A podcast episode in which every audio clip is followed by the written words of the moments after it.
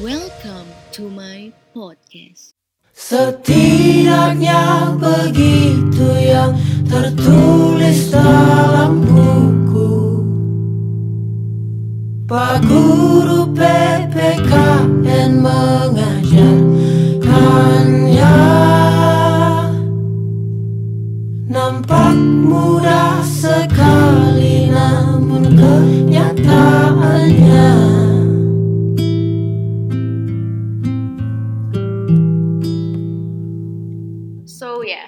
gue milih lagu Non Stress, em, judulnya PPKN?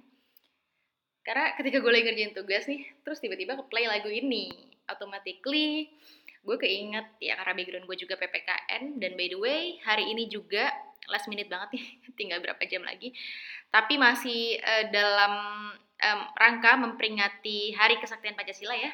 Selamat Hari Kesaktian Pancasila yang bertepatan pada tanggal 1 Oktober Nah, gue mau bahas nih masih nggak bosen-bosen karena gue cukup punya beban moral yang tinggi ya untuk em, menyebarluaskan ini bahwa ada empat pilar kebangsaan yaitu yang pertama itu Pancasila, Undang-Undang Dasar 1945, NKRI dan Bhinneka Tunggal Ika.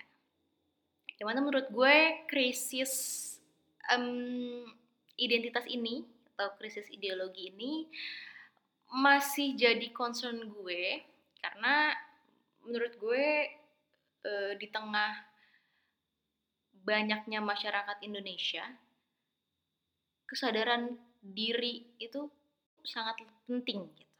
Gue pengen eh, berbagi aja bahwa kenapa sih em, Pancasila itu adalah pilar eh, paling atas di antara tiga pilar lainnya yang tadi gue udah sebutkan. Karena em, semua hal dalam dalam berkehidupan berkebangsaan di Indonesia itu udah dimuat di Pancasila. Yang mana kalian tahu sendiri sila pertama sampai sila kelima itu menurut gue nggak ada unsur kepentingan mungkin sebelum-sebelumnya ada yang mana juga dari ketuhanan yang maha esa dulunya juga syariat-syariat Islam dan segala macam dan kemudian karena kita adalah masyarakat yang multikultural jadi eh, dikemas demikian rupa yang mana kalau mau orang-orang nanti penerus bangsa mau menggantikan Pancasila sebagai ideologi negara atau mungkin punya eh, ide-ide lain gitu itu merupakan proses yang panjang dan mungkin cukup banyak perdebatan ya. Tapi apakah ideologi negara kita seiring berjalannya waktu bisa diubah? Sebenarnya bisa-bisa aja gitu, tergantung kesepakatan eh, pihak-pihak yang nantinya mewakili eh, masyarakat gitu ya. Contohnya, kenapa juga Pancasila bisa dibentuk kan itu karena adanya perdebatan sengit eh, yang di atas ya, pemangku-pemangku kepentingan itu, yang pastinya untuk kepentingan bersama gitu. Makanya em, Pancasila ini menjadi sangat em, kompleks dan menurut gue adalah integritas yang paling bijaksana gitu untuk dicanangkan menjadi ideologi negara gitu. Tapi disclaimer juga bahwa gue ngomong kayak gini bahwa Pancasila bisa diganti atau enggak bukan berarti gue menggantikan ya. Atau menurut gue memang kurang sesuai enggak juga. Justru malah Pancasila adalah hal yang paling sesuai untuk mm, masyarakat yang ada di Indonesia. Karena di dalamnya itu memuat atau mengutamakan perdamaian, keamanan, kesejahteraan dan keadilan. Yang di mana itu merupakan cita-cita dunia bahkan cita-cita Indonesia. Karena kita adalah masyarakat yang beragam gitu ya. Sukunya banyak agamanya banyak orang yang juga berbeda-beda. Pancasila tuh menurut gue udah sangat sesuai dengan kepribadian bangsa Indonesia. gitu beda ceritanya kalau misalkan akan digantikan. Itu pasti akan eh, chaos gitu ya. Dan nggak semudah itu gitu untuk digantikan gitu. Malah nantinya akan timbul suatu perpecahan kehancuran atau keterancaman gitu ya. Karena adanya kekosongan ideologi itu tadi. Dan menurut gue kenapa em, bisa Pancasila tuh bisa bertahan sampai sekarang gitu ya karena emang yang paling sesuai gitu paling rele- relevan gitu sebagai ideologi negara gitu.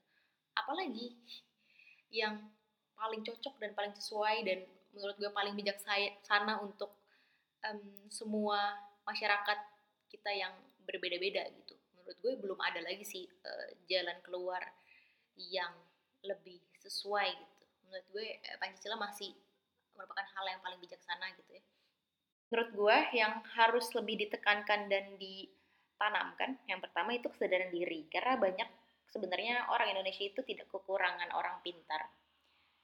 Tapi kekurangan orang baik. Yang kedua adalah wawasan kebangsaan.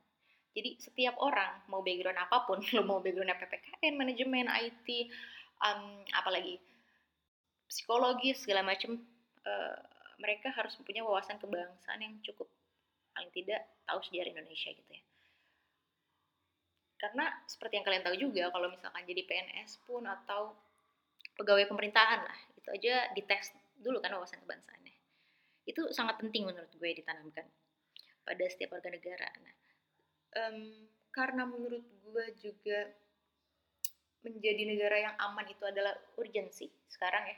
Jadi kayaknya gue oke okay banget deh dan pro banget kalau misalnya Indonesia tuh kayak Korea gitu, yang mana um, warga negaranya itu ikut uh, ini ya pelatihan militer atau akmil dan segala macam kalau di Korea gitu ya. Gue sih sangat oke. Okay. um, contohnya gini kalau misalkan di sekolah gitu ya kenapa sih uh, anak-anak tuh tawuran gitu pada zaman dulu? Tapi kalau sekarang sih gue udah jarang lihat orang-orang tawuran ya mungkin memang um, sudah beda generasinya. Tapi kalau kemarin-kemarin tuh gue liatnya apa sih yang salah gitu? Nah mungkin tawuran ini bisa difasilitasi gitu loh oleh negara oleh pendidikan dan segala macam kenapa nggak tawurannya kita kemas dengan hal yang positif gitu?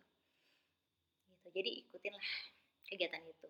Karena gue kayak hmm, sebenarnya gue tuh bukan tipe kalau misalkan jadi guru tuh yang melarang. Lo tawuran lo kena SP lo uh, di DO lo diskors dan segala macem gitu. Karena gue pernah gitu ya di SMA satu angkatan diskors karena kita cuma berkumpul gitu. Padahal kan itu baik baik ya. Maksudnya kita juga nggak tawuran dan segala macem. Waktu itu kita ngerayain anniversary um, angkatan kita gitu lah ya kalau zaman dulu SMA SMA gitu. Nah, semuanya tuh di SP karena nggak boleh ikutan persatuan-persatuan kayak gitu kan. Karena dari dulu ditentang banget lah sama sekolah. Gue juga nggak tahu reasonnya apa, nggak ada reason yang jelas sama sekali dan itu juga sebenarnya menurut gue tidak menimbulkan dampak yang negatif negatif amat gitu. Kecuali masuk TV sih dan masuk TV tapi di dikemasnya dengan uh, mahasiswa uh, mahasiswa sorry siswa tawuran gitu. Padahal kan uh, belum tentu juga.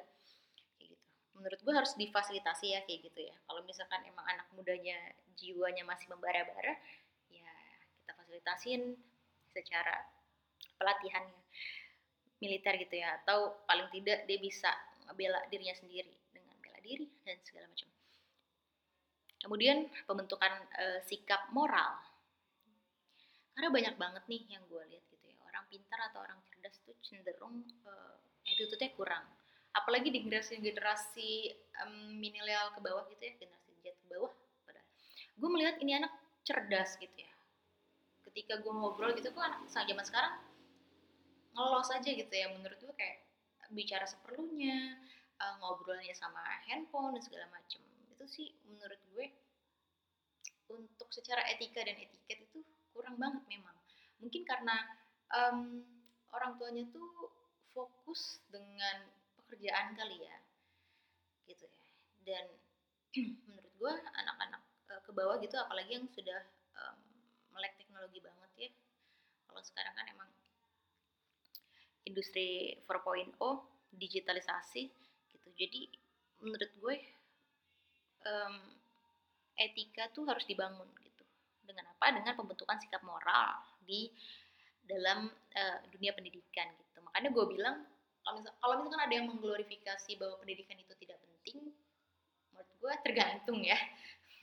Mungkin lo emang bukan di market situ dan kebetulan lo uh, tenggatnya beruntung gitu untuk survive di kehidupan lo nah menurut gue itu pendidikan itu masih sangat penting karena yang gue dapat dari pendidikan gue itu bukan tentang hanya saja materi atau pembelajaran secara ilmu akademik gitu ya. Tapi justru gue mencarinya di hal-hal lain gitu. Pertama uh, pembentukan sikap disiplin lo itu diajarin dari awal lu sekolah dasar gitu ya. Dari gunting kuku pakaian lo rapi atau enggak dan tetek kedua bagaimana lo bersosialisasi sama orang? Gimana lo menjalin relasi lo? Gitu kan. Banyak lah menurut gue manfaat-manfaatnya gitu ya dibanding eh, mudorotnya gitu. Jadi menurut gue pendidikan masih penting sih. Jadi kalau yang ngomong pendidikan itu nggak penting mungkin mereka udah sampai di tahap yang oh nggak nggak nggak perlu-perlu banget. Tapi so far untuk uh, menunjang uh, kehidupan yang lebih baik itu pendidikan masih penting sekolah itu masih penting. Pendidikan atau sekolah itu masih penting terus kesehatan itu penting zaman sekarang. Apalagi ya poin-poin yang krusial. Ya pokoknya gue ingetnya ada tiga sih selain pendidikan kesehatan karena makanya sampai sekarang dokter dibutuhin. Oh ya ketiga eh, teknologi. Dan lo di situ eh, di pasti pasti mau nggak mau diajak untuk critical thinking. Kemudian analisis skill lo gimana dan yang s- eh, selain itu eh, lo juga menyolusi itu itu yang yang sebenarnya gue dapatkan gitu ya dari pendidikan. Jadi so far pendidikan masih oke menurut gue dan menurut gue guru tuh masih sangat berjasa banget. Gimana caranya? Yang pertama juga fokus gue concern gue untuk kesaktian Pancasila ini. Hari kesaktian Pancasila ini gue pengen banget budaya literasi kita at least naik gitu persentasenya. Karena dengan mengkonfel itu semua yang tadi gue jelaskan kalau pertamanya kita nggak punya kesadaran diri untuk uh, maju dan untuk membaca memahami dan segala macam pokoknya fokus gue itu ya tadi untuk em, empat pilar ini. Itu aja sih. Selamat hari kesaktian Pancasila guys